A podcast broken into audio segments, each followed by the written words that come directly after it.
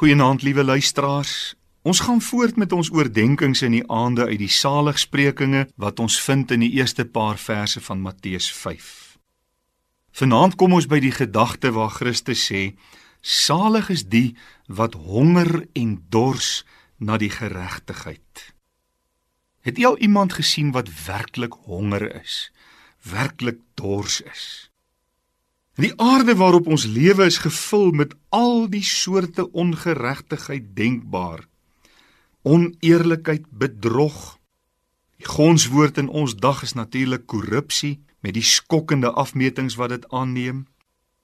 En ek het 'n tyd gelede saam met 'n vriend van my gaan koffie drink. En terwyl ons daar sit, merk hy op. Daar's 'n snaakse soort kristendom wat deesdae sy kop uitsteek. Ek vra vir hom nou wat? Hy sê nee, mense wil die Here loof en mense wil die Here prys. Maar dan is daar 'n gebrek aan integriteit en etiek, in toewyding en selfsterwe. Ek het hieroor gedink en ek dink hy's in die kol. God soek 'n geslag mense, volgelinge van Christus, wat bereid is om sy standaard van geregtigheid na te streef, werklik honger en dors te wees om God se geregtigheid, eerlikheid, integriteit, regverdigheid soos hy dit verlang uit te leef. Sulke mense sê hy sal versadig word. Dan is daar natuurlik die pragtige saligspreking salig is die barmhartiges. Dis nog 'n manier waarop God sy karakter in ons tot stand wil bring.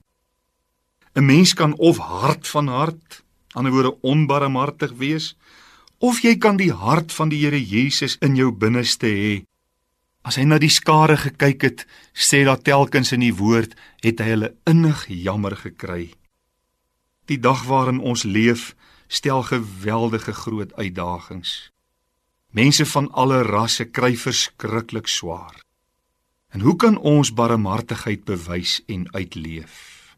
Hoe kan ons betrokke raak by die uitdagings van ons tyd?